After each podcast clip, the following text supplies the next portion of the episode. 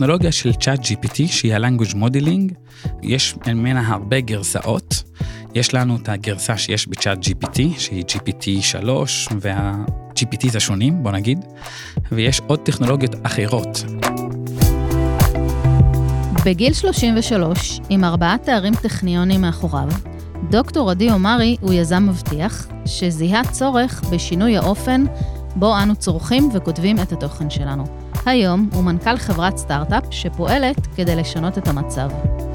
הטכניוניסטים, הפודקאסט של ארגון בוגרי הטכניון. אז אהלן עדי, אני אשמח שתציג את עצמך. אז אני עדי, בן 33, נשוי, אבא לשתי ילדות. היום אני המנכ"ל ומייסד של קונטילט, סטארט-אפ בתחום הבינה המלאכותית. ועכשיו, ניתן לקונטילט להציג את עדי. Contilt, a startup that revolutionizes marketing content creation. Founded by Dr. ADI Omari, a Technion graduate ADI has four degrees from Technion, BSc, MSc, PhD, and MBA. He has been attracted to software engineering since his childhood. He is 33 years old, married and has two daughters.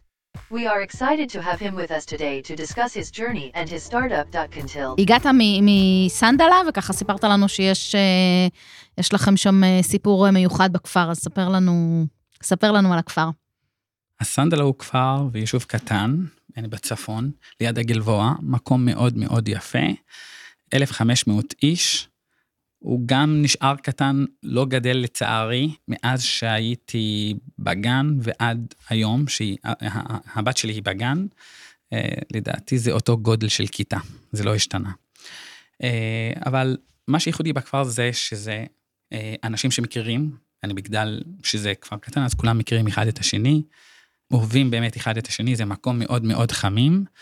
הם אוהבים הנדסה, הרבה מהנדסים יוצאים מהכפר, חלקם באו ללמוד בטכניון ואחרים במקומות אחרים, אבל מי שלא יודע מה ללמוד בכפר אצלנו, הוא נכנס ללמוד הנדסת מכונות משום מה, לא יודע למה, אבל זה הדיפולט שהם הולכים ללמוד. איך אתה מסביר את זה? מה זה משפיע, משפיע אחד על שני? כן, גם לדעתי הבית ספר, כמובן, יש הרבה הרבה דברים שיכולים להשפיע על זה, התחרות הפנימית, אם זה מקום קטן, כולם מכירים כן. אחד את השני, אז יש כנראה תחרות, וגם הבית ספר האיכותי, המורים הנהדרים, אני לא סיפרתי, אבל חלק מההצלחות של האנשים שמגיעים לטכניון, הם קשורים במורים. בית ספר תיכון? איזה בית ספר? נהדרים. סנדלה, קוראים לזה. ביישוב עצמו. לא, בתיכון זה לא, זה משותף להרבה אה, יישובים באזור.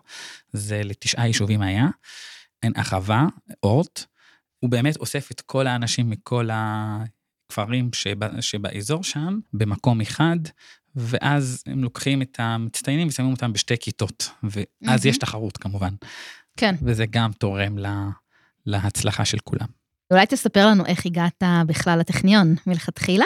אז uh, מאז שהייתי ילד uh, קטן, אהבתי מחשבים, כל מה שקשור למחשבים, אם זה תיקון, אם זה גם תכנות, באופן שונה ממה שאני עושה היום. וכשגדלתי, אז uh, בבית ספר, uh, הייתה תוכנית של המצטיינים, mm-hmm. שהגיעו ובחרו כמה אנשים, מה, כמה סטודנטים מה, uh, מהבית ספר אצלנו, ואני הייתי אחד מאלה שנבחרו. בכיתה י"א אני הגעתי לטכניון בקיץ, בין י' לי"א, ואז התאהבתי במקום, והחלטתי שזה מקום אה, מצוין לעשות את התואר הראשון פה.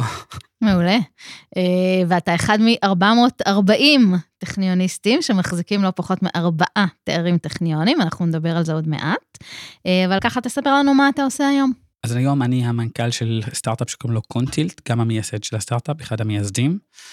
קונטילט הוא בעצם סטארט-אפ שכותב תוכן אוטומטית. הוא עוזר בכתיבת התוכן וגם בצריכת התוכן. אז כל מה שקשור להבנה וכתיבה של טקסט, אה, תוכן מאיץ אותו באופן מאוד מאוד אה, אני משמעותי. מה הכוונה מאיץ? אז uh, ביום יום שלנו יש הרבה אני, משימות שמסתמכות על הבנת תוכן, אז קריאה של האינפורמציה על לקוח, או על מתחרה, או על מוצר, וקריאה של חוות דעת על המוצרים שלנו וכו', אז Contilt יכול להאיץ את התהליכים האלה על ידי שהוא עושה אותם אוטומטית. אז במקום שאת תעברי על 400 uh, אה, חוות דעת על המוצר שלך, בוא נגיד שאת מוכרת ויש לך הרבה מוצרים, לכל אחד יש הרבה חוות דעת, במקום שתעשי את זה באופן ידני, אה, כדי לשפר, ואז לתמצת את זה ולשלוח את זה לאנשי ה product שלך.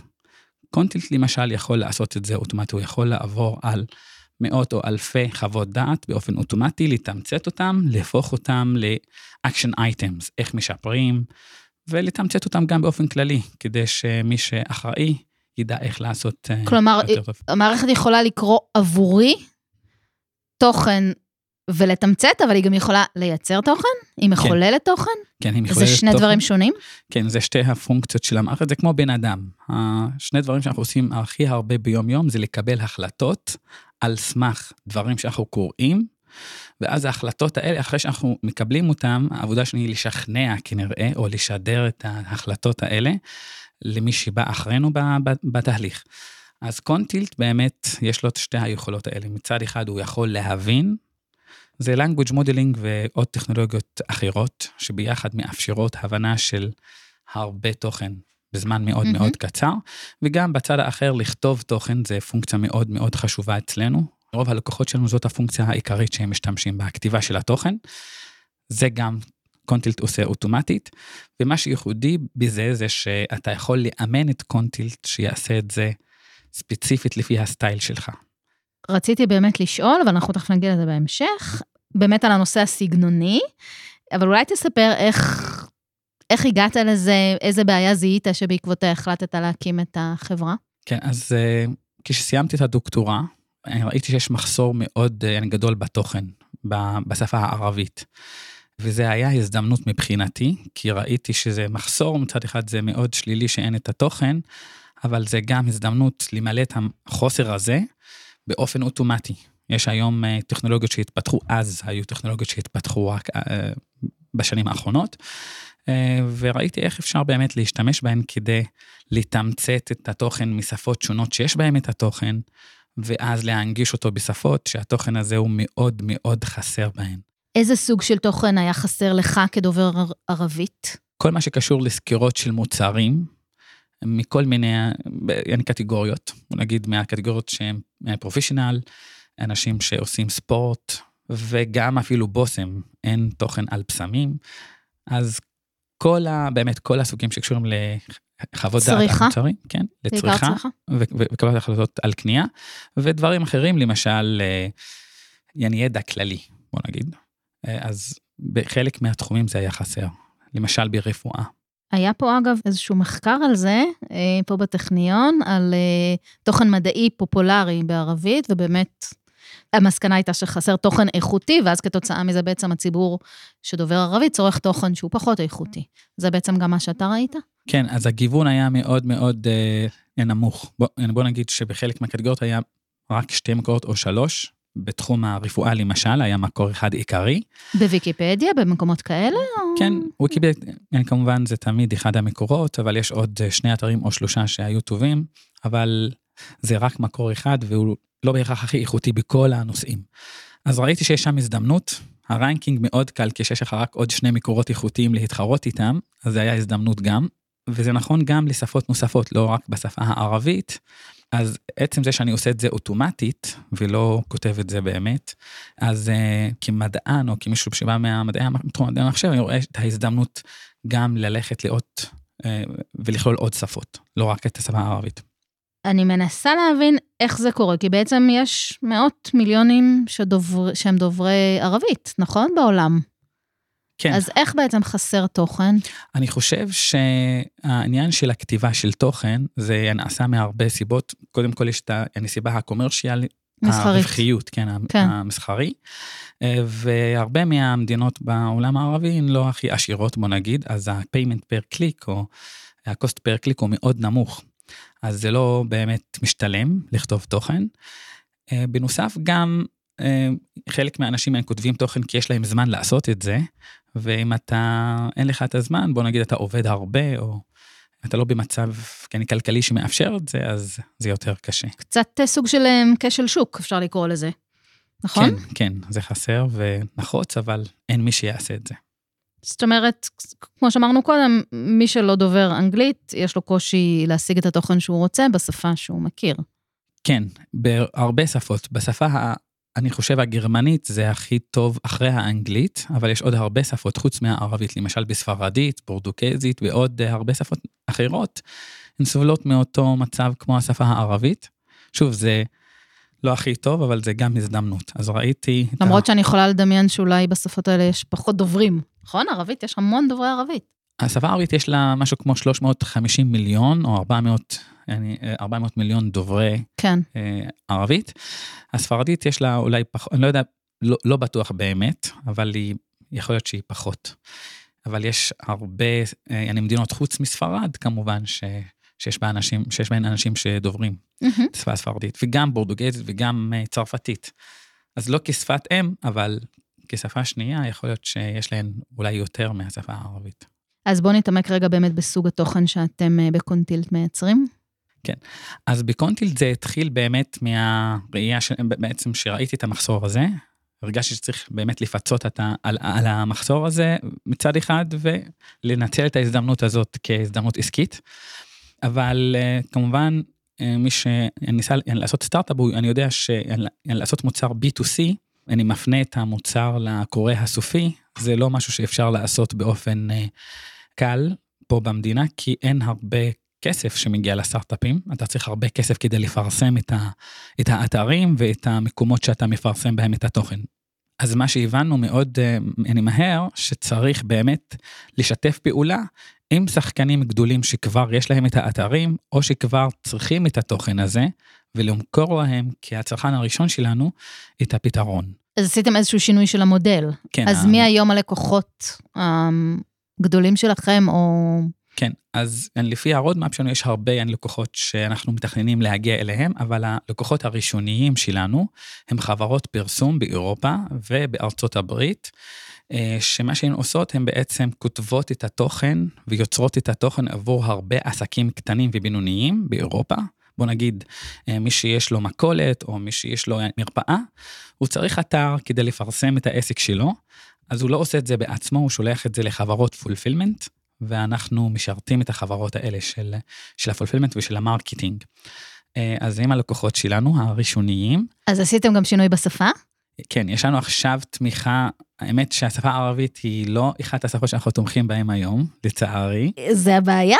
כן, חזרנו לאותה בעיה. כן, כן. זה משהו שאנחנו מתכננים לעשות, אבל צריך באמת להתאפק עד שיש לך את המשאבים. עד היום אין לנו את המשאבים כדי באמת לבנות תוכן אה, ולפרסם אותו, כמו שאמרתי, אז זה נשאר בתוכניות. היום התוכן המבוקש מהלקוחות שלנו הוא בשפה האנגלית, האיטלקית, הגרמנית ועוד שפות אחרות באירופה, כמו השפה השוודית.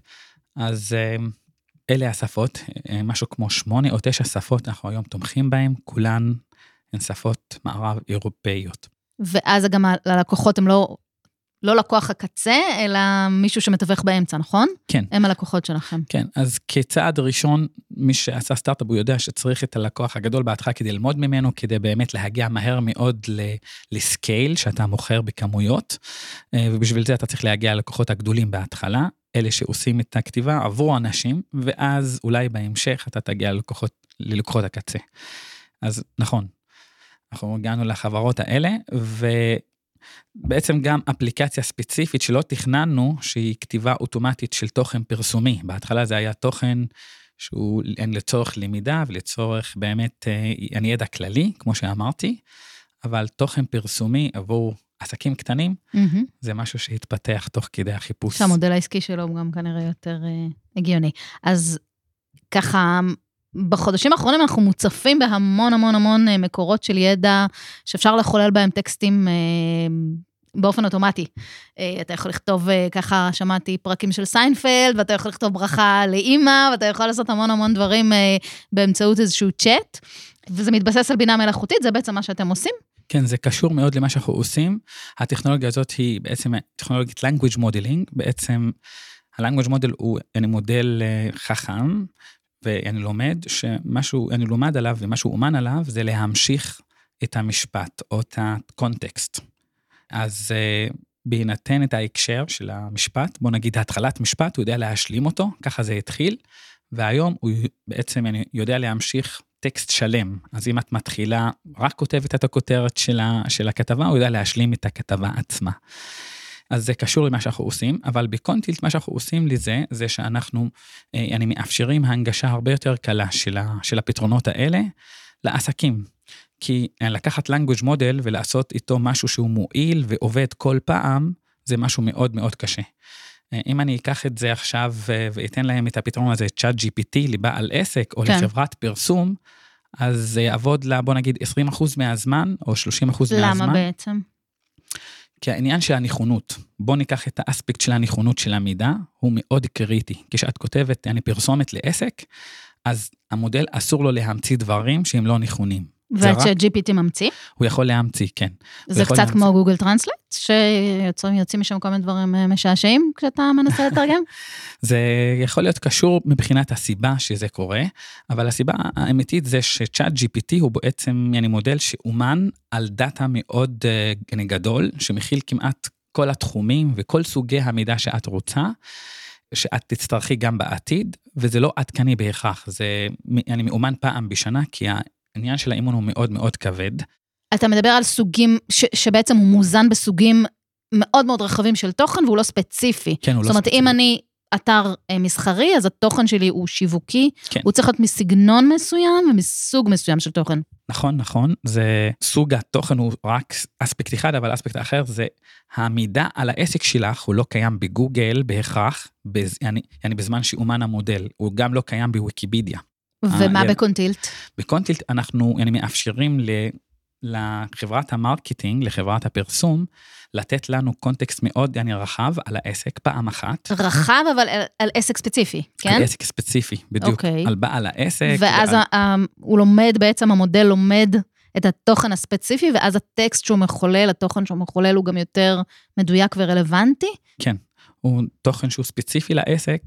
זה כמו לקחת בן אדם מאוד חכם ולהגיד לו, אני אספר לי על עסק X. אם הוא לא מכיר את העסק, זה שהוא חכם זה לא עוזר לו, כי הוא לא מכיר את העסק. אבל אם אני אתן לו, אני רבע שעה של introduction על העסק הזה, אז. התוצאה תהיה הרבה יותר אה, באמת מדויקת, הוא, הוא, אני אדע באמת לספר על העסק. ויש פה גם עניין של שימוש במונחים אה, מקצועיים אולי, שהם... אז כן, הלקוח שלנו הוא יכול לעשות fine-tuning, זה בעצם אימון, אני מעבר לאימון המקורי של המודל, לכל חלק באתר למשל. אני אתן דוגמה. אחד ה-workflows שחוזרים על עצמם, אני מקרה השימוש שחוזרים על עצמם לפתרון שלנו אצל הלקוחות הראשוניים בתחום ה marketing, זה אני בנייה אוטומטית של אתרים. באופן אה, אוטומטי.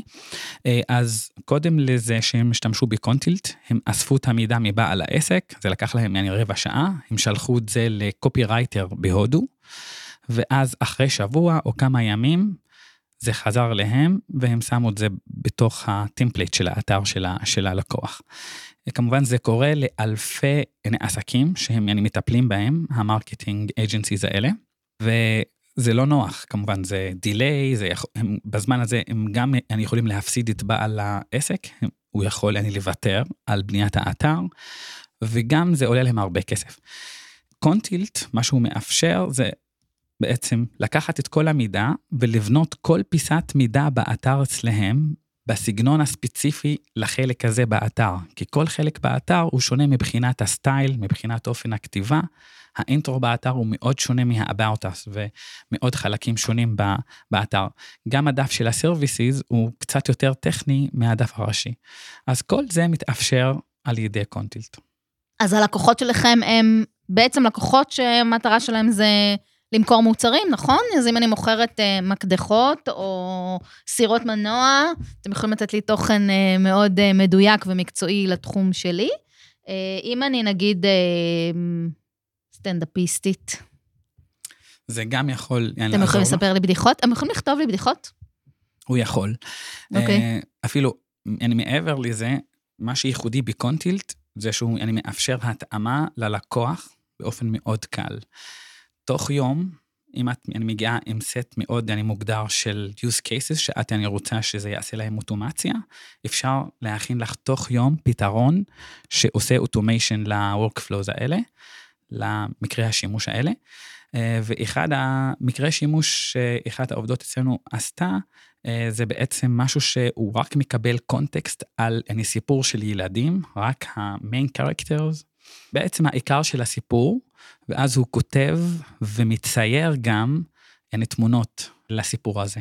אז יש לך סיפור מוכן תוך אה, 20 שניות על הנושא שבחרת, ועם הקרקטר שבחרת. אז איפה המקום פה של הכישרון? יש? של האנשים, בעצם כן. ההטמעה של הכישרון של המומחה היא משהו שמתאפשר אצלנו. זה אומר, אתה יכול לאמן את המודל, אנחנו לוקחים מומחה בכתיבה, אומרים לו, אנחנו רוצים שתאמן את המודל שלנו, אנחנו רוצים דוגמאות, נותנים לו באמת יעני סטרקצ'ר מסוים שבו הוא יכול לאמן את המודל שלנו, ואז אנחנו מטמיעים את היצירתיות שלו, גם את הסגנון, אה, גם האמת, אם, אם הוא יעני רציני בכתיבה, אם הוא אה, קצת יותר כן. פרנדלי, בוא נגיד, הסמייליז, כל הדברים האלה אפשר להכניס אותם לתוך המודל, המודל יכול להתבטא באופן שמדמה בעצם את, ה, את אותו המומחה. אז מעולה. שני אנשים שהם באמת באותו תחום, בוא נגיד, הם יכולים לבנות על ידי קונטיל שני פתרונות שמתנהגים שונה ויוצרים תוכן מאוד שונה מבחינת הסגנון. אז אני יכולה נגיד לכתוב כמה בדיחות, ואת שאר החומר אתם תכתבו לי? כן. כאילו אני יכולה ללכת לנוח. כן, אם את נותנת לנו כמה דוגמאות על אינפוטים ואאוטפוטים. וזה יהיה מצחיק? ניסיתם? בדיחות לא ניסינו האמת, אבל מה שניסינו זה social posts. זה use case שהוא מאוד שכיח אצלנו. אחד הלקוחות שלנו כותב משהו כמו 15 אלף social posts כל חודש ללקוחות שלו, והוא דרש מאיתנו לעשות לו automation לזה. וה social post הזה הוא צריך להיות עם smileys ובסגנון שהוא בשפה עממית איטלקית, כן? זה לרשתות החברתיות? כן, זה לפייסבוק במקרה ש, שאנחנו עכשיו מטפלים בו. והוא, בעצם יש לו היום מישהו שבאמת כותב באותו סגנון. זאת מישהי שנתנה לנו את ה training set בעצם, וכשהראינו לה את התוצאה היא הייתה בשוק, היא הייתה בשוק. אז מה, כתבתם לה תוכן שיווקי לחודשים קדימה, או שהיא משתמשת בזה על בסיס שוטף, היא מכניסה... מה שקורה אצל הלקוחות שלנו זה שהם, אני, אני מקבלים בעל עסק, מראיינים אותו, שומרים את המידע על העסק הזה אצלהם ב database, ואז הם אני, יוצרים לאותו בעל עסק את כל ה-social posts לכל השנה, כן? אז הם אני, יוצרים מושלם. את ה-social posts לכל החגים, ולכל ה... בקיצור, לכל האירועים שיכולים לקרות תוך כדי השנה, בלק פריידי. פשוט כאילו וכו. הפרק הזה הוא נכתב גם באמצעות uh, קונטילט. הפרק הזה. בטח, אני מספרת למאזינים. לא עשינו כלום, הכל אוטומטי. אתם משתמשים בטכנולוגיה שונה מצ'אט GPT, או שזו אותה טכנולוגיה? הטכנולוגיה של צ'אט GPT, שהיא ה-language modeling, יש ממנה הרבה גרסאות. יש לנו את הגרסה שיש בצ'אט GPT, שהיא GPT 3, וה... GPTs השונים, בוא נגיד, ויש עוד טכנולוגיות אחרות. למשל, use case שקיים אצלנו שאי אפשר לממש עם צ'אט GPT, זה שאנחנו يعني, מקבלים תמונה של מוצר, זה לעולמות האי-קומרס, וכותבים אוטומטית פרסומת לפי התמונה. אז אם יש לך חולצה, או يعني, פריטים שהם לא טכניים, שאי אפשר לתאר אותם על ידי ספקס, על ידי ספציפיקציות, אז אתה יכול לספק לנו רק את התמונות של הקטלוג, או הקטלוג של המוצרים שיש לך, שמכיל תמונות, ואז בצד האחר, תוך באמת שעה, יהיה לך לאלפי המוצרים שיש לך בקטלוג, פרסומת לכל אחד מהם, ייחודית. אז זה use case שאפשר לממש עם קונטילט, וקשה לממש אותו עם צ'אט GPT. אז הטכנולוגיה של צ'אט GPT, היא בעצם ה-state of the art. זה באמת הטכנולוגיה הכי חדשנית. עוד טכנולוגיות אחרות שמתפתחות יכולות לנצח אותה תוך כדי השנה, אז היא מוטמעת בקונטילט, GPT למיניהם, אבל בנוסף אליהם יש הרבה רכיבים שקיימים בקונטילט כדי לאפשר שהוא יהיה מאוד נגיש ללקוחות. ChatGPT בעצם זה איזושהי מערכת אה, שנגישה לציבור הרחב של OpenAI, נכון? אה, שכל אחד יכול אה, לחולל באמצעותה טקסטים באמת מברכות יום הולדת ועד אה, ספרים ו- וטקסטים יותר מורכבים, זה הפך להיות כזה משהו שמאוד מגניב ומדברים עליו לא מעט ברשתות. עוד לא ברור מה ההשפעה של זה ובעצם לאן זה לוקח.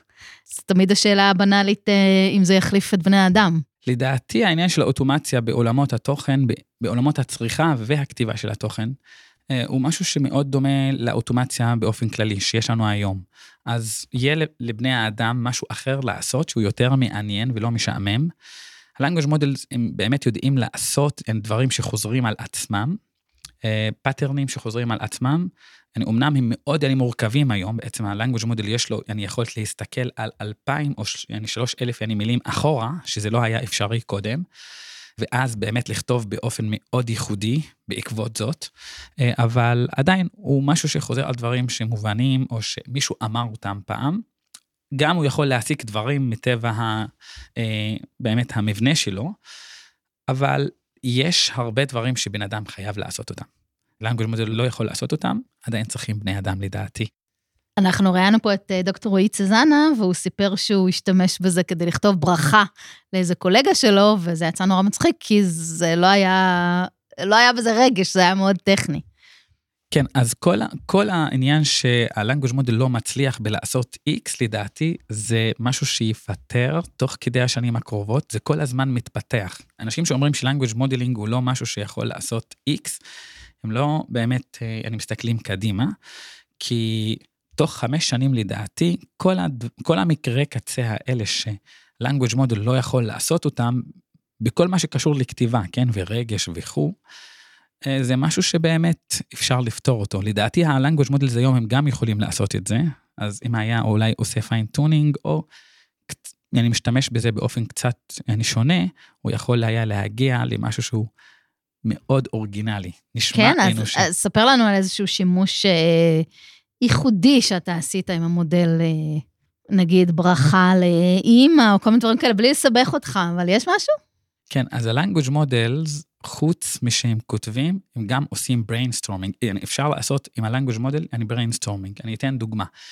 אם אני ארצה באמת אה, להוציא סרט או משהו לחיים, אז מה שאני עושה זה סיבובים של חשיבה, שחלק מהם הוא מסתמך על הקונטקסט שאני חי בו, בעצם על העולם הנוכחי. אני, אני מסתמך על ידע קודם, בזה שאני אני ממציא את הדברים החדשים. אז זה ה-language model הוא מצוין בו, ומה שאנחנו עושים היום זה משהו שעושה דיזיין לפרסומות ויזואליות בעזרת language modeling. בעצם אנחנו נותנים ל-language model שלנו את הסוג פרסומת שאנחנו רוצים לעשות, ושואלים אותו איזה רקע היה מתאים לפרסומת הזאת. אז ה-language model הוא יודע לבחור keywords שקשורים לרקע הזה ולבנות פרסומת. אז זה use case למשל, ש...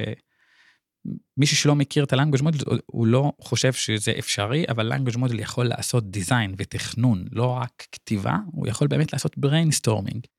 אתה יכול לתת דוגמה, משהו שאנחנו יכולים אה, נגיד לחפש ברשת, שנעשה באמצעות אה, כלי כזה? אני יכול לתת לכם אה, וידאו, אולי לצרף לבודקאסט של כמה דוגמאות של מקרי שימוש של קונטילט, שלדעתי מי שיראה אותם יופתע. בוא נגיד. מעולה. אז באיזה שלב אתם באמת נמצאים כרגע מבחינת הסטארט-אפ? היום אנחנו עדיין בשלב הסיד בסטארט-אפ, זה אומר שיש לנו ולידציה ראשונית, יש לנו לקוחות שהתעניינו במוצר, הם שילמו עבור המוצר, יש לנו design partners, שני design partners גדולים, אה, ויש לנו לקוח גדול מאוד שמתעניין, אז אנחנו בתהליך איתו.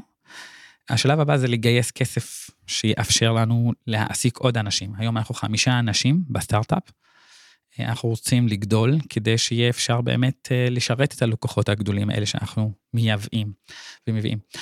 אז אה, זה השלב שאנחנו נמצאים בו. אחרי שבעצם הלקוח סגר איתכם עסקה, הוא מקבל את הגישה למערכת וזהו, הוא רץ עם זה לבד? או שהוא צריך אתכם אה, כל הזמן ברקע?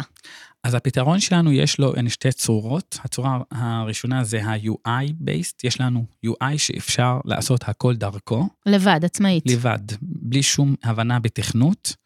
אה, והסוג האחר זה API. API זה אומר, לחלק מהלקוחות, במיוחד הלקוחות הגדולים הראשונים שלנו, הם רוצים להטמיע את קונטילט כחלק מהפתרון שלהם, בתוך המערכת שלהם, כפונקציה. משהו שכותב תוכן אוטומטית, אבל mm-hmm. שלא יצטרכו לצאת מה-UI שלהם, מהממשק שלהם, לקונטילט ואז לחזור. אז זה משהו שמתאפשר דרך API. לכל לקוח אצלנו יש את השתי גישות. אה, בעצם אנחנו מנגישים אליו גם את ה-UI וגם את ה-API, לכל פתרון שיש. אוקיי, okay, מעולה. ובאמת, לאן פניכם בעתיד? מה התוכניות אה, מבחינת פיתוחים עתידיים, וגם איך אתם אה, רואים את עצמכם מול באמת שחקניות גדולות שמנגישות שירותים כאלה בחינם? כן, אז מי שמתעניין בקונטילט, בעצם אני יכול לספר לו קצת יותר לעומק על התוכניות שלנו, אבל קונטילט הוא לא פתרון שכותב טקסט, זה לא קונטילט, אלא קונטילט הוא משהו שמנגיש את הפתרונות האלה באופן מאוד ייחודי, עם טכנולוגיה מאוד yani, ייחודית שמאפשרת הנגשה של הפתרונות האלה, באופן שהוא ממקסם את התועלת וגם ממזער את הצורך בלמידה, איך להשתמש בכלי חדש בתהליכים הקיימים. אז כשיש לנו לקוח חדש, אנחנו לא אומרים לו, תעזוב את השיטות הקיימות, תלמד את קונטילט, להפך. אנחנו הולכים אליו ולומדים איך הוא עושה את הדברים היום, ונותנים לו תוך זמן קצר פתרון מותאם אליו. אז קונטילט נועד כדי להיות הוסט לפתרונות שמתפתחים, הפתרונות האלה, והפנים שלנו בעתיד זה להנגיש את זה לעוד תחומים חוץ מהפרסום, תחומים מאוד מעניינים, למשל uh, אינטליג'נס, כל העניין של לחקור את השוק, לחקור את המתחרים, uh, ללמוד על המוצרים שלך ועל המוצרים של המתחרים, איך לשפר אותם.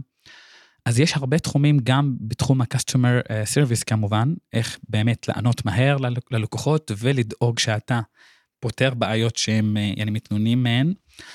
אז כל התחומים האלה, גם רפואה, קונטילט הוא, כמו שאמרתי, פרמורק שמאפשר הנגשת הפתרונות האלה, והמטרה שלנו היא להיכנס לתחומים האלה אחד-אחד.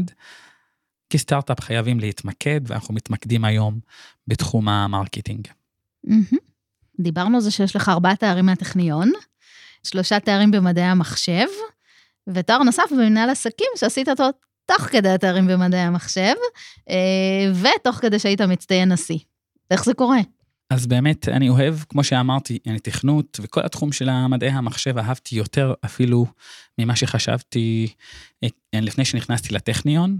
מישהו שבא מהבית ספר, הוא באמת, אני מבין בתכנות, אבל לא מכיר את התחום של המדעי המחשב אה, לעומק. אז כשהגעתי לפה וראיתי באמת אה, מה זה המדעי המחשב ואיזה עוד תחומים יש, תתי תחומים יש בו, אז החלטתי שאני רוצה להמשיך לתואר שני. ואז כמובן, מי שאוהב תואר שני, הוא ממשיך לתואר שלישי. אז זה הסיפור של השלושת התארים הראשון, שני ושלישי במדעי המחשב. אה, התואר בניהול עסקים, אני שמתי לב שאני מאוד שקוע בעולמות המדעי המחשב וההנדסה. אז אני שמתי לב לזה תוך כדי הדוקטורה. וזה משהו שלדעתי, זה סוג של טעות שאנחנו עושים כמהנדסים וכטכניוניסטים במיוחד. השאיפה שלנו היא באמת לפתור את הבעיות הכי מאתגרות. אנחנו mm-hmm. אוהבים אתגר. מי שמגיע לטכניון הוא הגיע פה כי הוא אוהב אתגר, וכמהנדס אתה באמת הולך לבעיה הכי קשה ופותר אותה. זה נכון שזה באמת uh, מעניין וזה משהו שאני אוהב לעשות, אבל זה לא חכם. בוא נגיד, הדבר החכם לעשות זה ללכת לבעיות מעניינות, שאתה יודע לפתור אותן בקלות, ולמקסם את התועלת מלפתור אותן. את התועלת מה, העסקית? העסקית, הריטרן. Okay. זה אוקיי. באמת תלוי איזה סוג של ריטרן אתה, אני רוצה, אז הדרך היא באמת, קודם כל, לראות את המטרה, להגיד אני רוצה להגיע לשם, וללכת בדרך הכי קלה. וזה אנחנו כמהנדסים, שוב, וכטכניוניסטים לדעתי, לא עושים הרבה. אנחנו לא יודעים... אתה אומר שההתעמקות באה על חשבון התועלת? זאת אומרת, לפעמים לפתור את הבעיה ביסודיות ועד הסוף, זה, זה קצת אה, לפספס כי... לא, אה, בוא נגיד, זה מה שאנחנו אוהבים לעשות. כן. לפתור בעיות קשות.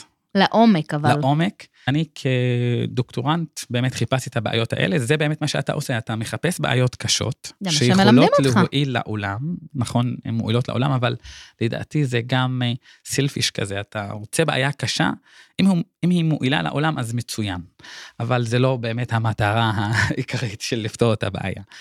אני חשבתי שדרך הלימודים במנהל עסקים אפשר לקבל את הפרספקטיבה האחרת באמת. ללמוד איך למקסם את התועלת מהסקילסיט שיש לך, או מהדברים שיש לך בידיים, mm-hmm.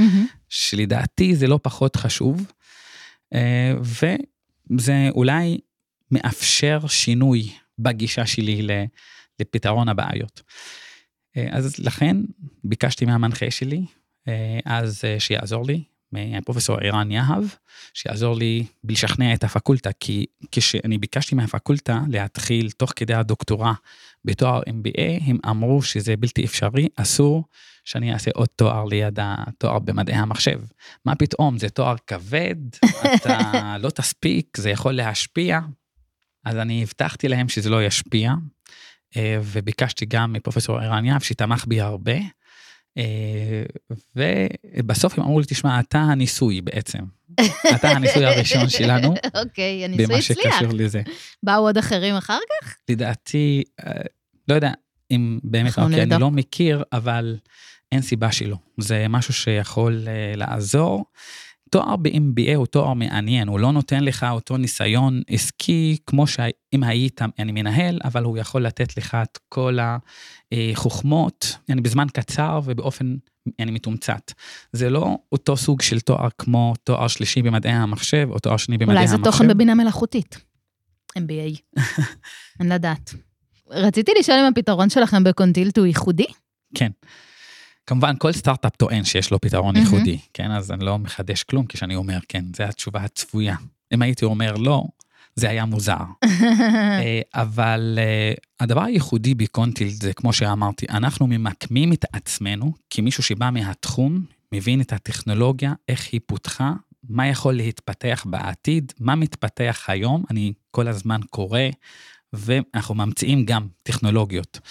אה, אז אנחנו באמת צופים מה יקרה עוד שנה או שנתיים או שלוש, ובקונטילט מה שאנחנו עושים זה למקם את עצמנו באופן חכם ואסטרטגי, כדי שאנחנו לא נתחרה עם מה שמתפתח, אלא מהמם. אנחנו נהיה ש... שותפים, בעצם נשתף פעולה עם מה ש... ומי שמפתח את הפתרונות האלה. אז זה באמת קונטילט, זה האסטרטגיה שלנו.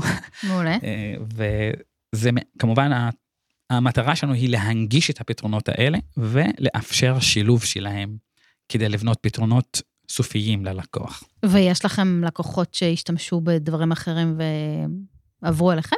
כן.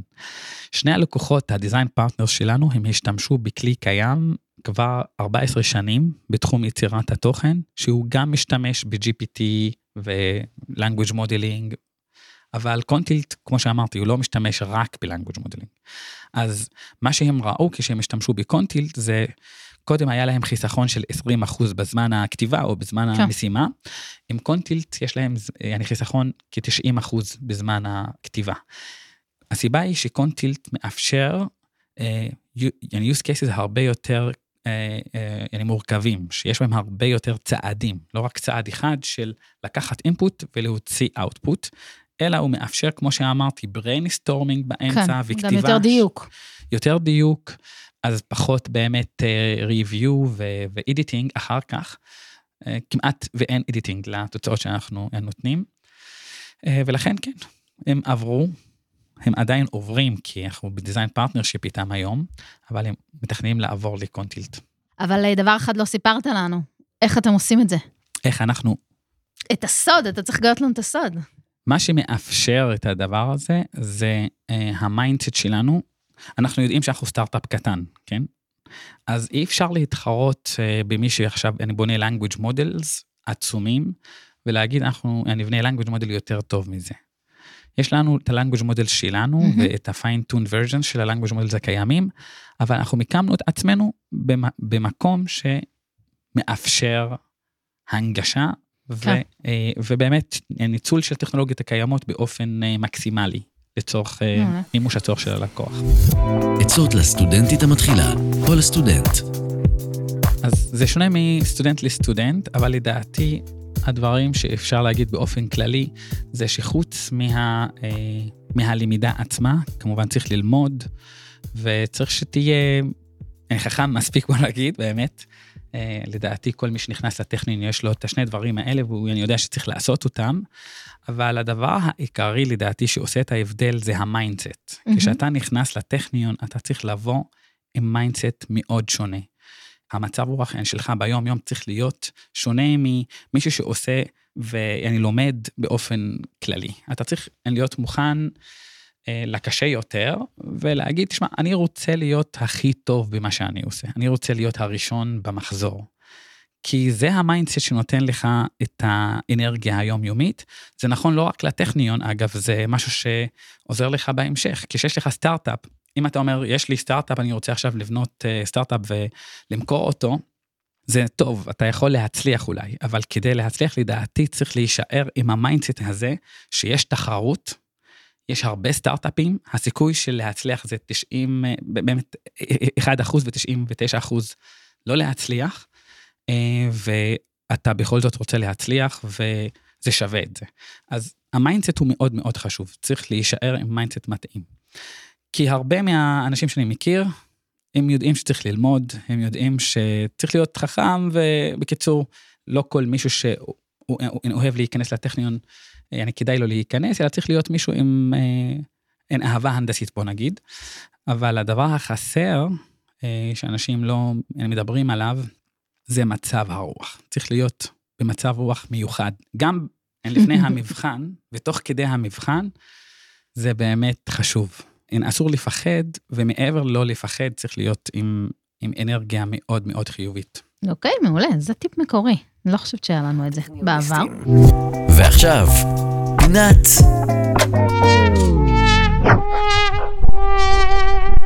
הכישלון. אתה יכול לספר על איזשהו כישלון שהיה לך?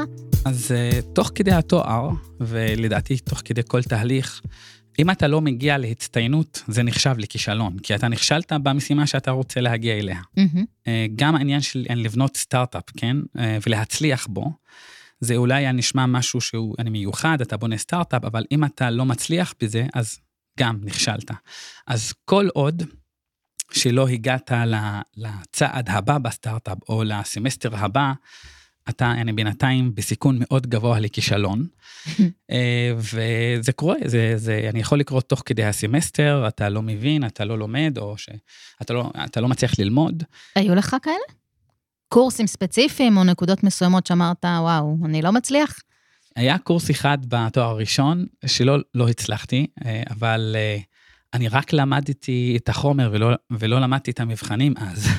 ונכנסתי למבחן והייתי בשוק. אז זה יכול לקרות, כן, זה יכול לקרות, ובוא נגיד, אם אתה, אני מכוון לקבל הצטיינות נשיא, ולא הצלחת בזה, ואחד הסמסטרים אני לא קיבלתי הצטיינות נשיא, כן? אחד רק. היה לי שני סמסטרים בכל התואר שלא קיבלתי הצטיינות נשיא. נכון שהממוצע הסופי הוא הצטיינות נשיא, אבל שני הסמסטרים האלה... מה הממוצע נדרש למצטיין נשיא? באופן כללי, כן. בסיום התואר, אני חושב 92 וחצי או משהו אוקיי. כזה, או, או 93. זה, זה שונה מתואר לתואר. כישלונות יכולים לקרות, והם קורים ביום-יום שלנו, ולדעתי הם חלק, באמת... חלק מהתהליך. הם חלק מהתהליך, זה לא, זה לא רק בשביל הפילוסופיה. כישלון זה חלק מהתהליך, זה באמת המצב. וזה מה שהרגשת ש... גם באותו רגע, או שבאותו רגע זה היה קשה? זה מה שהרגשתי וזה מה שאני עכשיו מרגיש, זה תמיד מה שאני מרגיש אם אתה לא מתקשה תוך כדי העבודה, אז זה אומר שאתה באותו מקום. אה, והקשיים האלה הם סוג של כישלון, אתה יכול לנסות להיכשל, למשל, אני יכול לנסות למכור ללקוח מסוים והוא לא מתעניין, או לחודש שלם לא מכרת ללקוח ולא היו לקוחות שהתעניינו, אז זה נחשב לכישלון. עד שמישהו התעניין, ועד שמישהו אחר התעניין, אז זה יתחיל להיות הצלחה, כן. אתה רואה עדיין... את זה כמצב זמני, בגלל זה אתה מצליח להתמודד עם זה, זה מה שאתה אומר. כן. לפחד יותר מדי, לדעתי, אה, זה אשליה. אם אתה מפחד יותר מדי, כמובן צריך להיות חכם, אסור לך לקחת סיכונים סתם, וצריך להיות באמת בן אדם שאחראי אה, למשפחה שלך, לאנשים שמסביבך, אבל גם צריך לקחת את העניין של הפחד מכישלון, אה, ולשים אותו בפרופורציה, לא להוציא אותו מפרופורציות. מה יקרה מקסימום? אני אנסה עוד פעם. צריך באמת להיות אה, מישהו שהוא דיסייסיב, אה, עם נחישות. Mm-hmm. זה, זה חשוב, וה mindset הוא חלק מזה, מה כן. שאמרתי. מעולה. ועכשיו, השראה טכניונית. אז יש הרבה אנשים שבאמת אה, הראו השראה אצלי. אני יכול, אני למשל להגיד, המנחה שלי, פרופסור ערן יהב, הוא בן אדם מאוד מוצלח. כמובן, מי שבוחר מנחה, אני באמת בחרתי, לא סתם הלכתי, עשיתי תואר, אני שני, לקחתי את הזמן בלבחור את המנחה. זה גם טיפ. כן, זה חשוב מאוד האמת, mm-hmm. כי תואר זה לא רק לעשות תואר שני ולשים וי, אלא זה, זה חלק מהחיים שלך בהמשך, המנחה הזה הוא חלק מהמשפחה שלך, זה בן אדם חשוב. פרופסור ערן יהב אני ראיתי בו כמישהו שאני יכול ללמוד ממנו. הוא מישהו מוצלח, ורואה אותו כמישהו שבאמת אה, אה, אפשר ללמוד ממנו הרבה. אותו דבר גם מההורים שלי, כמובן, אה, אה, כל מישהו ש... כל בן אדם לומד מההורים שלו, רואה אותם כ... כמקור השראה. אבא שלי הוא גם מהנדס מכונות, אז ראיתי... מהטכניון? הוא לא מהטכניון, הוא מבן גוריון, אה, אבל הוא גם מהנדס, לא? אנחנו הטכניון. השראה? השראה. אז uh, הוא מקור להשראה גדולה. Um, התמיכה ואנשים מסביבי הם גם סוג של השראה. אפילו תוך כדי התואר הראשון, זה מצחיק, אבל כשאתה מגיע ממקום קטן, אנחנו כבר uh, של 1,500 אנשים, אנחנו יישוב קטן מאוד, אז אתה אומר, זאת הזדמנות מעניינת, כי אני עכשיו בת... אני עכשיו בטכניון, אני לא מופתע שאני בטכניון האמת.